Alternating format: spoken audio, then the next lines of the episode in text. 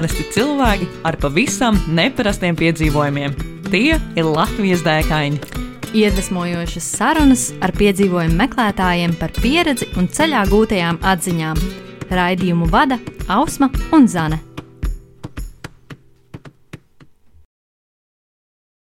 Esiet sveicināti Latvijas dēkaņu 90. epizodē. Ar jums šodien kopā Ausma. Zane. Un mūsu šīs dienas viesis ir Mārcis Bogdanovs. Čau, Mārci! Čau! Nu, mēs jau iepriekš, pirms sarunas ieraksta, mazliet parunājām, ko tad Mārcis dara pa dzīvi. Un uh, šī um, raidījuma ietvaros mums noteikti jāpiemina, ka viņš ir dēkainis, uh, vārda vistiešākajā nozīmē, piedzīvojuma mīlis un meklētājs. Un, uh, Mārcis, vai ir vēl kaut kas tāds, ko tu vēlēsies par sevi pastāstīt mūsu klausītājiem, ko tu vēl varbūt dari saistībā ar piedzīvojumiem, un varbūt kā tevī aizsākās šis te piedzīvojuma gars?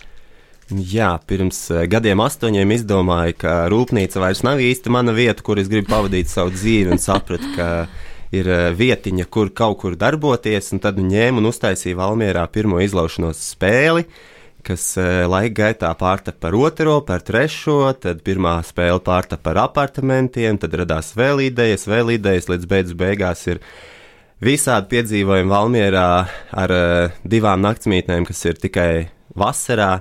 Viena ir šķūņa augšā, viena ir uh, milzīgs uh, kempers, kas pārveidots par milzīgu liemezi.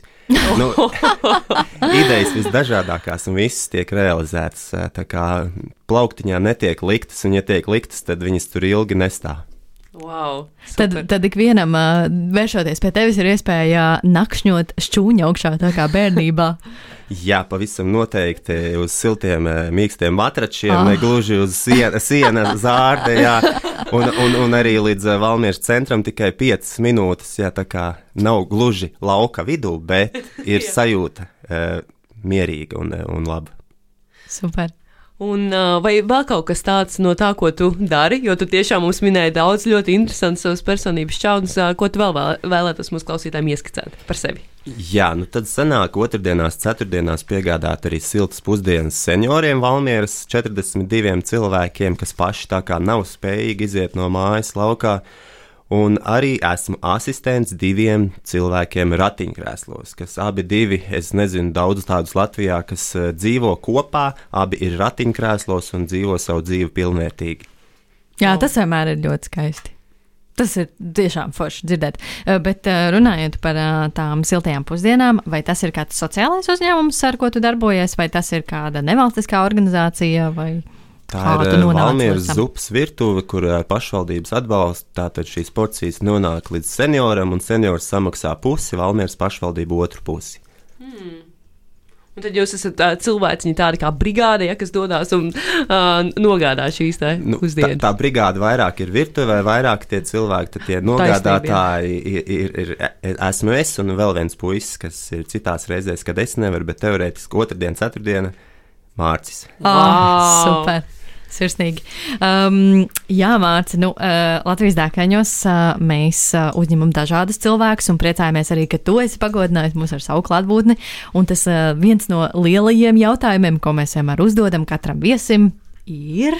Kas tad ir lielākā dēka piedzīvojums, kurā tu līdz šim esi bijis? Jā, nu lielākā dēka noteikti ir 30 gadu jubilejas eh, pārsteigums sev, eh, kad vajadzētu tā kā 30 valstis sasniegt, bet 29 gadu vecumā man bija 25 valstis. Tad, nu, kādu mēnesi plānoju un izplānoju, jā, būs septiņu valstu brauciens, divās ir būts, piecās nav būts. Dzimšanas dienas mēnesī, oktobrī sasniegšu 30, un to arī izdarīju. Wow, cik sen atpakaļ bija šīs piedzīvojums? Tas bija 2019. gadā, eh, pāris mēnešus pirms Covid. Oh, Paveicās. Izvairīties no lodes. un, uh, kas tad bija šīs valstis, uz kurām tu plānoji doties un arī devies? Jā, sāku ar um, īriju, aizbraukt, apskatīties, eh, kā dzīvo tur rudmatainie, jo es tā kā rudmatainis jau piedzimis un dzīvoju visu mūžu. Uh, tad uh, caur Parīzi, kur sešas stundas bija pārsēšanās laiks, paspēju apskatīt Parīzi sešās stundās, tālāk lidoju uz Maltu, kur bija atkal pāris dienas. Un no Maltas tad lielākais piedzīvojums Jordānija. Izkāpjot Jordānijā, tad sākās tas, tas trakais eh, nezināmais, jo bija paredzēts tikt no Jordānijas lejā līdz Izrēlai, tālāk cauri Izrēlai uz Eģipti, no Eģiptes Sinai puscelas līdz pašai Kairai, un pēc tam bija jātiek atpakaļ uz Izrēlu, Eilatu, jo no turienes lidojuma uz Kauņu. Tā kā atpakaļ. Un tas bija viss, ko tu arī veici. Ja? Tas, tas ceļš, bija viss tikko... vienā piegājienā, 21 dienas garumā, jā, kas, kas arī izdevās. Amazing. Kā, kā tu pārvietojies? Vai tu devies uh, ar kājām, ar velospēdu, ar autobusu, ar vilcienu, ar stopiem? Jā, nu tad par to Jordānijas pusi, jo pārējais jau viss ir, viss ir viegli un saprotams un liekas ērti, bet Jordānijā ir tāda lieta, ka nav īsti autobusu sarakstu. Tas ir, Tas viens... ir kā viņiem nav pieturas, vai ir pietura, bet nav, nav saraksts? Pirm, pirmkārt, nav sarakstu, nav arī pieturas.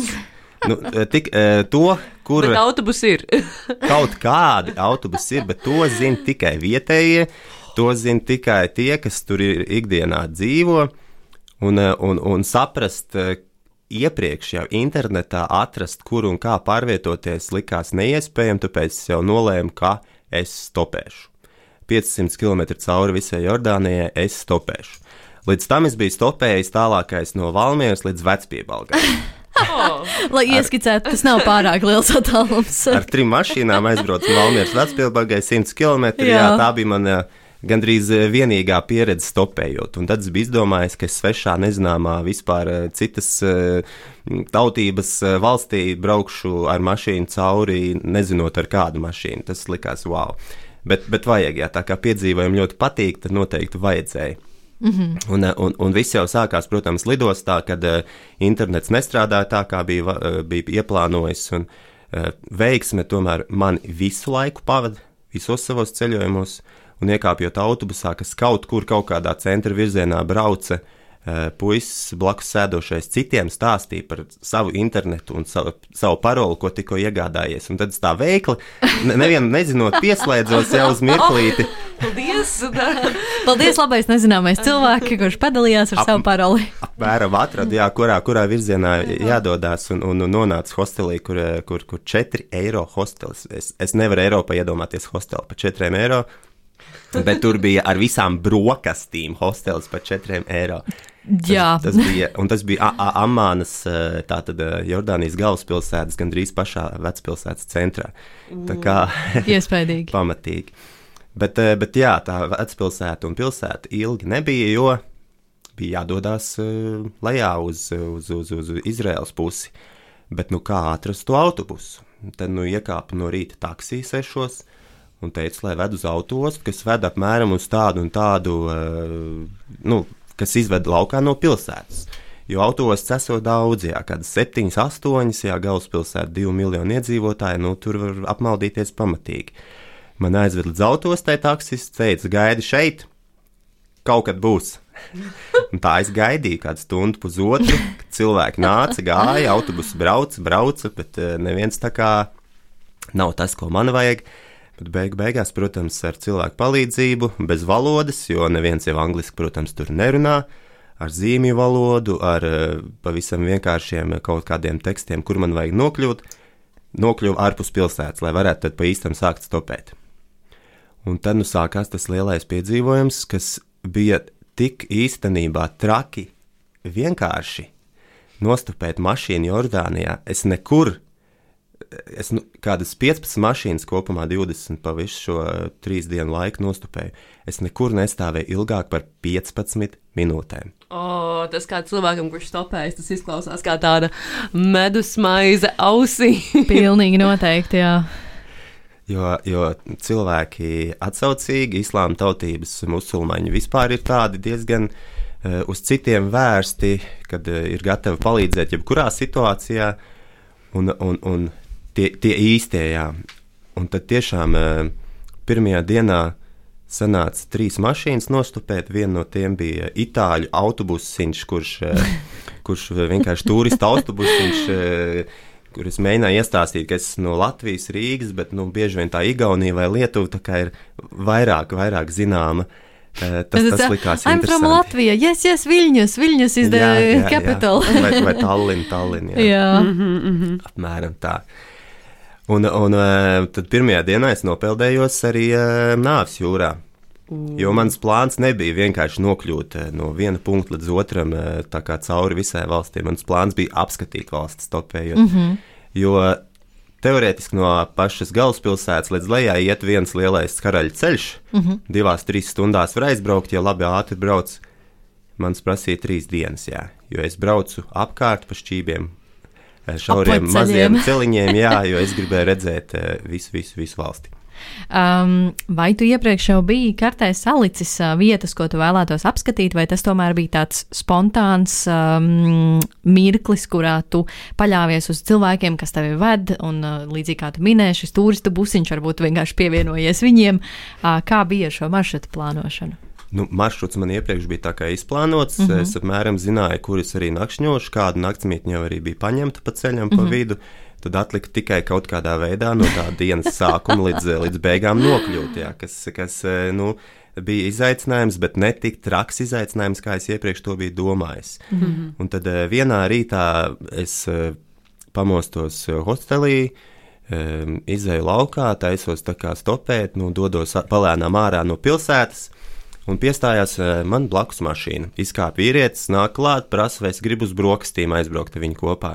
Nu, es nezinu, vai, vai Eiropā vai, vai Latvijā kāds tā īsti dara. Parastam cilvēkam uz ielas, kas iet, uh, redzams, ka turists ar somiņu, jā, um, vai piedāvā brokastis, bet, nu, es kā tāds naivs, naivs cilvēks būdams īstenībā bišķiņ, es, protams, piekrītu. Un, Un, un, un, un beigās izrādās, mēs braucam nevis uz viņa māju, bet uz viņa darba vietu. Viņš strādā tehnikumā, viņš iepazīstina ar saviem kolēģiem, stāsta par sievu ukrainieti, tad beigās iepazīstina ar visiem saviem uh, skolēniem. Oh. Beigās uh, visi grib ar mani bildēties, grib, visi grib mani Facebookā uzaicināt. Vietējā slavenība ir ieradusies. un, un tas viss bija no rīta, un apmēram līdz kaut kādiem pulkstenes diviem, jo tā bija diena, kad man ne- nebija īsti nekāda tāda lielāka plāna, kā nokļūt līdz galamērķim. Eh, Līdz pulkstenes diviem viņi neko nedarīja. Viņi pavadīja laiku ar mani, jo viņiem, es nezinu, stundas nebija, vai, vai, vai. bet pienāca pulkstenis divi, tagad visi pēduši pusdienas, un pēkšņi sākās ritīgā rosība. Visiem vajag staipīt to, kādam jāiet uz turieni, kādam jāiet uz turieni. Nu, tad es eh, tā kā beidzot tiku no viņiem vaļā, bet eh, līdz tam likās, ka visi, visi, visi ir pievērsušies man. Visi, visi tehnikumi, kādi skolēni 50, noteikti skolotājs 6. Un tur bija arī savākušies visdažādākās tautības cilvēki, gan ukrānietis, gan bul bulgārs, gan e, baltkrievis, lietuvietis. Visi strādāja vienā skolā. Mm. Kā viņi tur nonākuši līdz galam, es nesapratu, jo kāds runāja krieviski, kāds bija angliski, kāds, Jā. e, kāds vēl savā valodā, bet, e, bet kaut kādā veidā nonācām līdz kopsaucējiem, ka bija forši, bija interesanti.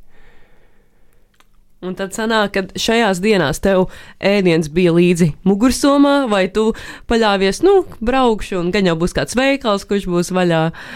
Kā tev bija ar šī ceļojuma aspekta plānošanu? Nu, naudu es biju izņēmis, zināju, ka viss būs lēti, ka kaut kur vietējās ciematos gan jau ēst dabūšu, neesmu pārāk izvēlīgs. Tā kā Ēd visu, jā? Ēdu visu, jā, nav, nav problēmas. Var arī dzīvot dienu bez nēšanas un paēst vakarā. Mm -hmm. Un tā arī vienu dienu izdevās, jā, kad eh, kaut kā stopēju, jā, nebija nekāda. Tā bija tā pati diena, jā, kad, eh, kad, kad, kad eh, tehnikuma diena, jā. Eh, pa- Barot jau man tur baigi nebaroja. Ielēja tikai kādu glāzīti, varbūt darba laikā. Jā. Un, un, un tad vakarā bija jānokļūst līdz pasaulē mazākajam hotelim. Un, mm. Un tad es stopēju, un kaut kā tā diena traki pagāja, un beigās vēl izrādījās, ka pasaulē mazākais hotelis eh, viņš ir, viņš ir pieejams eh, Airbnb platformā. Un izrādās, ka tas tikai projekta ietvaros tur bija ielikts pirms pāris gadiem, un vairs īsti no turienes neviens rezervācijas neņem. Tā kā es ierados tur pilnīgi neplānoti, bet cilvēks man uzņēma, jo kas ir pasaulē mazākais hote hotelis, tas ir kāda vīra, jordānieša vecais, um, vecā mašīna, tas um, Kāds būs viņš? Vai... Nu, ne, ne busiņš, bet mazais šitais te uh, pikaps, babolīte. Babolīte, jā, Aha.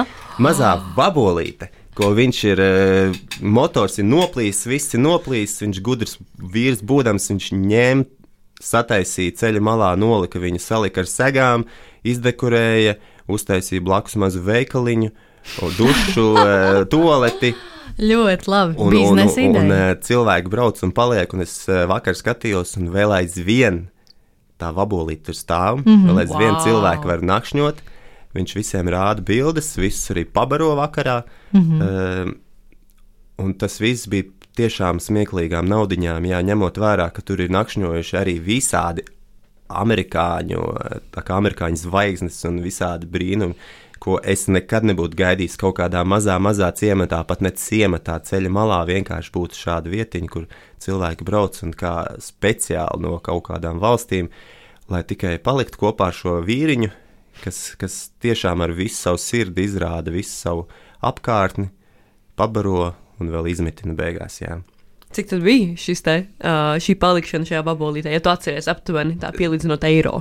20 eiro ar vakariņām, kārtīgām, tā ka tiešām tur tika, tika pabarots, piebarots pilns vēders līdz malām. Wow! Nu jā, ja mēs tā skatāmies uz tavu galvaspilsētas pieredzi par 4 eiro. Uh, Hostelis, Centrs, jā, jā. centrs, un tad uh, nekurienē 20 eiro. Mums droši vien uh, tas ir tāds nu, normāls uh, cenu tāds līmenis, un viņiem tie 20 eiro droši vien ir, mm, jā, es tur diktīgi paprasīšu 20 eiro. Tā kā, jā, interesanti, ka tādā ceļa malā var atrast uh, tādu apslēpto dārgumu. Kā tu atradi šo internetā vai Instagramā vai kur un kā? Airbnb ir šāda vieta ielikta, bet es uh, saku, jā, viņa nav īsti aktuāla mm -hmm. Airbnb. Mm -hmm. Bet, uh, jā, kaut kā pa taisno, jo viņš nerunā angliski, vīrietis, un, un, un, un, mm -hmm. un nav īsti viņam arī nekāda baigie radi. Es nezinu, kā vēl citādāk, kā vienkārši uz vietas aizbraucot un paliekot. Jo, jo reklāma, reklāma arī baigi tikai šajā Airbnb lapā, un arī pāris raksts CNN un vēl kaut kur citur arī, kur, kur, kur, kur cilvēki ir vienkārši uzrakstījuši par šo vietu, bet tā, ka speciāli būtu reklamēts, viņš ne, ne, ne. Tas man ļoti īstenībā paveicās, jā. Ka bija brīvs, jā. Jā, ka neviens nebija tajā dienā, ka bija brīvs, jā. Jūs varat palikt blakus istabā, kas ir paklājiņš pie. Jā, suņu būri.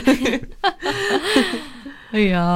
Kā ir ar drošības aspektu? Um, Jordānijā, cik droši tu jūties? Jo, manuprāt, uh, tā ir tāda vieta, kas varbūt ir mazliet ar stereotipiem, uh, tāda pīta, un varbūt pēdējo gadu laikā tā ir vieta, kur arī latvieši daudz vairāk un biežāk dodas un izmanto visas iespējas, ko Jordānija sniedz.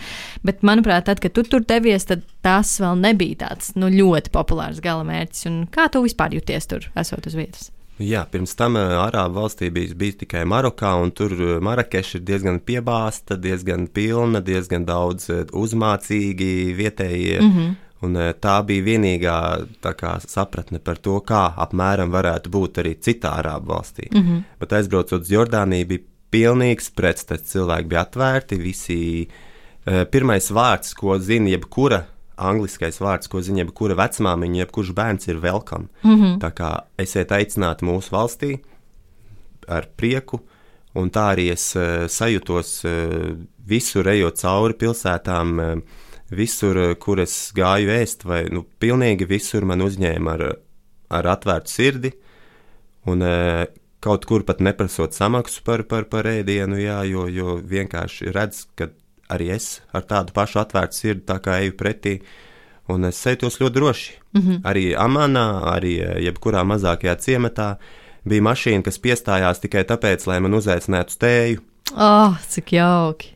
Trīs brāļi, kas uzaicināja mani uz tēju, viņi arī nerunāja angliski. Viņi aizveda uz savu māju, kas bija apmēram 10 km no manas ceļa. Pēc tam arī aizveda atpakaļ uz manu to sākotnējo vietu, kur man paņēma. Oh, Pabaroja ar tēju, iepazīstināja ar bērniem, ar sievām, ar, ar, ar, ar, ar, ar dzīvnieciņiem, apmainījāmies ar kontaktiem, ar bildēm. Tas, tas, tas nebija vienu reizi, tas tā bija gan ar šo jā, to tehnikuma vīrieti, jā, kas uzaicināja vienkārši jā, pavadīt dienu kopā ar sevi darbā, gan arī šādi, kad vienkārši eh, uz savu māju uzaicina. Mm -hmm. Es, es, es ne, nu, man bija mutvaļā, es, es nevarēju iedomāties, kā tas tā ir, bet, eh, bet redz, ka var. Bet tas jau noteikti sakarā arī ar nu, to kultūru, kāda viņam ir un reliģiju, vai ne tā?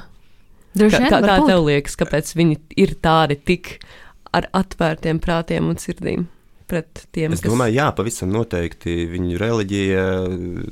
Nu, Gan drīz vai pieprasa no viņiem būt atvērtiem pret visiem, bet viņiem tas tik ļoti dziļi asinīs, ka nevar redzēt nekādu uzspīlētību vai kaut kādu mākslīgumu, ka viss ir tik ļoti dabiski, ka, ka tas ir dabiski. Mm -hmm. Bet tā, ka piestājās ceļa malā un uzaicina, uzaicina ciemos, un tas, tas tā negaidīti bija. Un arī bija viena ļoti glauna mašīna, kas apstājās. Un, un vīrietis runāja ļoti labi angļu valodā un izstāstīja, ka ir pilsētas mērs. Wow! Vienkārši braucot no savas uh, la, lauku, lauku ciematiņa uz pilsētu, pa ceļam paņem stopētāju. Nu, kurš mērs Latvijā tā darīt, es nezinu. Nu, gan jau kāds. Nē, nu, cerams, jau, cerams, jau. jā, cerams, Cerams, ka kāds jā. ir. Jā. Ja kāds mūsu um, pilsētas mērs klausās, tad lūdzu, lūdzu, lūdzu, lūdzu, lūdzu ņemat stapētājus, lai arī par jums tik jauki izteiktos. Jā. Un tad uh, pēc Jordānijas tu devies tālāk uz Izraelu, pareizi? Izraela, jā, bet Izraela tikai cauri, jo Izraela super, super dārga, un tad tikai mm. tur tiešām pāris stundas cauri Izrēlai, lai, lai nokļūtu Eģiptē tālāk. Bet, nu jā, Jordānijā vēl ir Petra, ko es neizstāstīju. Mm -hmm, Petras -hmm. pilsēta, kur uzņemtas simtiem eh, filmas eh, par, par eh, mūmijām, par visu kaut ko, kas saistīts ar mūmijām un, un ap to. Un, eh, tur es nokļuvu pavisam arī interesantā veidā, kad eh, Tur bija čehu ģimenīte, māte ar eh, dēlu, kas brauc ar mašīnu. Mm -hmm. Māte klausās smago roku, tā kā metāla, metāla mūziku. Mašīnā visu laiku arī viņi, protams, skan. Nu, Viņi jau bija paņēmuši vācieti, eh, meiteni stopētāju, un tad vēl paķer klāt eh, latvieti. Tad, tad tāds baigais mikslis internacionālais, bet Jā, mēs visu dienu kopā nobraucām, visus apskates objektus, visu, kas bija pa ceļam, vienkārši mēs kopā ar viņiem apskatījām un beigās Petrā eh, tā kā atvadījāmies ar domu, ka tiksimies atkal no rīta, sešos no rīta, lai iekļūtu Petras eh, pilsētā, bet beigās atnāca tikai vāciete. Mm. Nu jau. Bet vismaz tāda Bet vismaz jā. starptautiskā ģimenes pieredze. Bet šī Pēters pilsēta, mm, tu minēji, ka jums bija jāgaida seši no rīta, lai tur tiktu iekšā, vai tur ir, um, ka es, es vienkārši neesmu bijusi Jordānijā, un tas arī man ir tāds uh, uh, spaiņu saraksts, uh, jeb šo bucket lists, un uh, varbūt var ieskicēt, uh, kā tas notiek. Tu pieļauj, ka tur ir kaut kāda. Rezervācijas sistēma. Jā, vai, vai, vai tu vienkārši stāv stāvi un gaidi. Un... pie vārtiem lieliem, un tad tev ielaiž. Nu, e- e- es ierados iepriekšējā vakarā, jā, un tad uh, vislabākais brīdis, kad iet uz to pe Petru vai, vai braukt, ir tiešām 5, 6 no rīta pirms saulēkta, kā ar pirmo, pirmo grupiņu, kas iet iekšā. Jo citādāk pēc tam dienas laikā tur sarodās ļoti daudz cilvēku. Kaut arī tas ir oktobris, bija vienalga tur. Tad, kad es devos eh, laukā, tad bija ļoti, ļoti daudz cilvēku. Viņi gribās kaut cik normālas bildes, eh, jo Bez cilvēku puļiem. Bez cilvēku pūļiem un uh, no vārtiem līdz pašai pilsētai ir apmēram gandrīz stunda gājiens. Mm. Tā kā tā, tā mm -hmm. tūkstnesi pa celiņiem, tad, kamēr aiziet, tikmēr jau saule uzlikusi. Un var, var uzņemt jau normālas bildes, un tur ir milzīga platība, ko izpētīt. Iesaka pat uh, braukt ne pa galvenajiem vārtiem, bet uh, vispār no otras puses, no sēdes ieejas, jo tad var izlaist visus. Uh, Ja, ja ierodas vēlāk, jā, jo pēc tam vēlāk tur sarodās tik daudz tirgotāju, kas mēģina katrs kaut ko notirgot, un tad mm -hmm. vēl ir ēzelīši, kas eh, tev pavadīs to stundiņu eh, īsākā laikā, protams, un tad ir tik daudz to cilvēku, ka varbūt negribās, jā, pēc tiem pulkstens 12. Mm -hmm, mm -hmm. Bet, ja no rīta, tad droši pa galvenajiem vārtiem čāpo iekšā un ar savām stundām, četrām, piecām jārēķinās, ja gribās uzrāpties kalnā un redzēt no augšas. Un, un, un tur ir vairāk kā. Tas jau likās smieklīgi, ka tur ir vairāk kā, vien, kā viena zīme, skaistākā vieta pasaulē. Tā kā skaitā, skaistākais skats pasaulē. Oh. Bultiņas, kas norāda uz skaistāko skatu pasaulē, bet viena bultiņa rāda uz vienu pusi, viena bultiņa rāda uz otru. Šitais ir labāk. Jā, jā, jā. jā. Un tad beig, beigās tur ir kafejnīca galā. Un, nu, protams, ar skaistu skatu, jā, bet, Jā. jā. bet kafejnīca. Jā. Jā, man, man, man šeit arī, ka mm, vai Petra gadījumā nav iekļauta kā viens no pasaules brīnumiem jaunajiem. Um, man šķiet, ka es kaut ko tādu esmu man, dzirdējis. man liekas, jā, ka tā, tā ir taisnība. Jā, Pēter, mm -hmm. tā tad uh, viens no pasaules brīnumiem, un uh, tur tiešām ir skaisti, jā. Kaut ko tādu nekur daudz citur pasaulē nevar redzēt, jā. Mm -hmm. Vai tev jau, nu, tu minēji, ka šis bija tavs uh, lielais mērķis, ko tev arī veiksmīgi izdevās uh, realizēt jau pirms savas 30. dzimšanas dienas, vai tev jau ir uh, kāds nākamais mērķis saistībā kaut kā līdzīga, teiksim, līdz, nezinu, 50, tur 50 kalnos vai, vai kaut kas tāds, vai, vai tu vēl uh, sapņo un uh, plāno?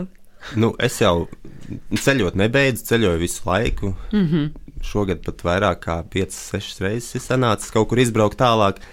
Un eh, arī savu kā, darbu ietvaros eh, esmu pāris eh, grupiņas norganizējis, kā piedzīvojumu meklētājs, kas grib kaut ko redzēt, bet nu, pārsvarā uz valstīm, kurās kā, es esmu jau bijis, lai spētu parādīt arī citiem. Mm -hmm. Bet nu, tā lielā, lielā laikam. Kas kaut kur nosēdusies, tā ideja, Maču Pikču gribās aizbraukt, un, mm. un, un, un Japāna, Tokija vai nu, vispār Japāna. Uh, Japāņu bērni ļoti, ļoti iesapņojuši, un mums jau bija pat biļetes, bet uznāca Covid. Jā. jā. Un pēc Covid šobrīd biļetes maksā precīzi trīs reizes dārgāk. Tad tas vairs nav tik reāli pavalkama lieta, bet Maču Pikču tur ir jau grupiņa salasījusies, kā mm. 5-6 cilvēki, arī gribētu tā kā braukt, bet nu, tas atkal nav tik vienkāršs galpunkts. Gan uh, plānošanas ziņā, mm. gan iepriekš pieteikšanās ziņā, gan vispār finansiālā ziņā. Mums, starp citu, ir par Maču Piču arī. Um, epizode. Tā kā var paklausīties, uh, tips and tricks. Tur noteikti ir kaut kas, ko noteikti var paņemt uh, līdzi un plānošanas Jā, procesā. Jā, epizode no Sībīlas. Es nejaucu tagad. No Ievas Smilgas. Ievas Smilgas. Jā, viņa stāstīja par Maču Piču. Paklausīsimies iepriekšējās epizodes. Tieši tā. Tā ir jau 90. epizode, jau sāktās atmiņas, jā, jā, jāsāk jā, no jauna klausīties. kopā. nu, labi, bet nu, tad, nu, pieslēdzoties par uh, Latviju un par uh, latviešiem, tad man liekas, ir tas īstais mirklis, kad mums tev jautāt otro jautājumu, kas mums šajā podkāstā ir ļoti, ļoti svarīgs. Kas ir?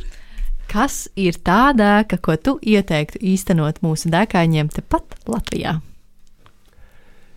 Es pavisam noteikti ieteiktu vienkārši iekāpt mašīnā, vai uzkāpt uz riteņa, vai vilcienā, vai autobusā, un bez kaut kāda konkrēta gala mērķa aizbraukt kādu gabaliņu, tad izkāpt laukā un vienkārši mesties piedzīvojumā, jo piedzīvojumi uzrādās ne no kurienes.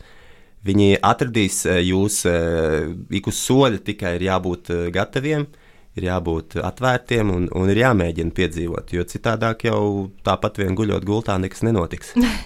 vai ir kāda īpaša vieta vai virziens, varbūt, kurā tu ieteiktu mūsu dēkaņiem doties? Varbūt tev tuvu ir kurzeme, vai varbūt vidzeme, vai varbūt kāds cits reģions Latvijā? Es vairāk pa vidzemi, bet uh, laikā, kad nedrīkstēja no Latvijas izbraukt, es ņēmu mašīnu un atbraucu apkārt Latvijai, pieturoties 15 km pie robežas septiņās dienās. Mm, wow! Tas, tas bija arī ļoti, ļoti labs piedzīvojums. E, tā kā atliek tikai izdomāt virzienu, un es domāju, jebkurš virziens būs labs, jo, jo iziet mežā, svaigā gaisā, var satikt zvēru, var, var, var uzkāpt kokā, var atrast sēnes. E, nu, var izdarīt jebkādas lietas, tikai vajag būt gatavam saņemt kaut ko no tā, ko jūs redzat apkārt. Un vai ieteiktu šajā piedzīvojumā doties vienam pašam vai kopā ar kādu? Es domāju, interesantāk ir kāda kopā, jā, noteikti. Mm -hmm. Bet, uh, ja gribās pabūt vienam, arī tas noteikti nav tas sliktākais variants. Precīzi. Ja iepazīt vietējās virtuves un cilvēkus, un uh, man, manuprāt, arī tas, ka ir jau tā burvība gan vienam pašam ceļojot kaut kur, gan divatā un, un lielākā grupiņā. Un vienam, manuprāt, ir daudz vieglāk iekulties dažādos piedzīvojumos, jo tu varbūt esi vairāk atvērts, varbūt neturies tik ļoti kopā ar to otru savu cilvēku mm -hmm. vai to grupiņu, un esi vairāk tāds, nu, Atvērta atvērtāks, jā, varbūt. Un, un tas noteikti ir tā interesanti. Un tikpat interesanti droši vien to darīt arī divi tā un grupiņā. Bet noteikti ir uh, svarīgi nebaidīties, jā, jo bieži vien tās bailes pārvarēt ir daudz interesantāk kā vienkārši baidīties. Jā, un tad, kad pārvar tās bailes un tiešām uh, kaut kur aizdodas, kaut vai tepat Latvijā, kaut vai ar kājām iziet uh, laukā ārā, kad ir tumšs. Uh, vai, vai, nu, kā, kādam arī ir no lietām. Ir bail, jā, ir, tā ir, protams, tums un mešs, manuprāt, vispār, un tā kā parki tumsā naktī. Mm. Mm. Tas tāds, man liekas, pārvarēt bailes, tas jau ir jau pirmais solis jau kaut kam interesantam pretī. Nu, super. Mīļš, tev paldies, Mārci, ka atnāci pie mums un šajā īpašajā 90. epizodē padalījies ar savu foršo tiešām krāsaino piedzīvojumu, kurā tu devies viens, vai ne tā? Jā, tā sanāca. Oh, tiešām drosmīgi. Ļoti forši. Un uh, paldies, Jāmārcis, ka tu biji kopā ar mums. Un paldies tev, klausītāji, ka tu esi kopā ar mums jau 90 epizodes. Ārkārtīgi liels uh, skaitlis. Un, uh, ja nu tev patīk tas, ko mēs darām, mēs ļoti priecāsimies, ja atbalstīs mūs ar krūzīti kafijas, mūsu baimijā.com slīpsvītra Latvijas dekaini. Un tad tiekamies jau nākamajā epizodē pēc divām, divām nedēļām. Uhu! Čau, čau! Ko tu parasti dari, kad dodies pārgājienā un tev reāli apnīk? Nu, es laikam sāku dungot. Paču, paču, paču, paču, paču, paču, paču, paču, paču.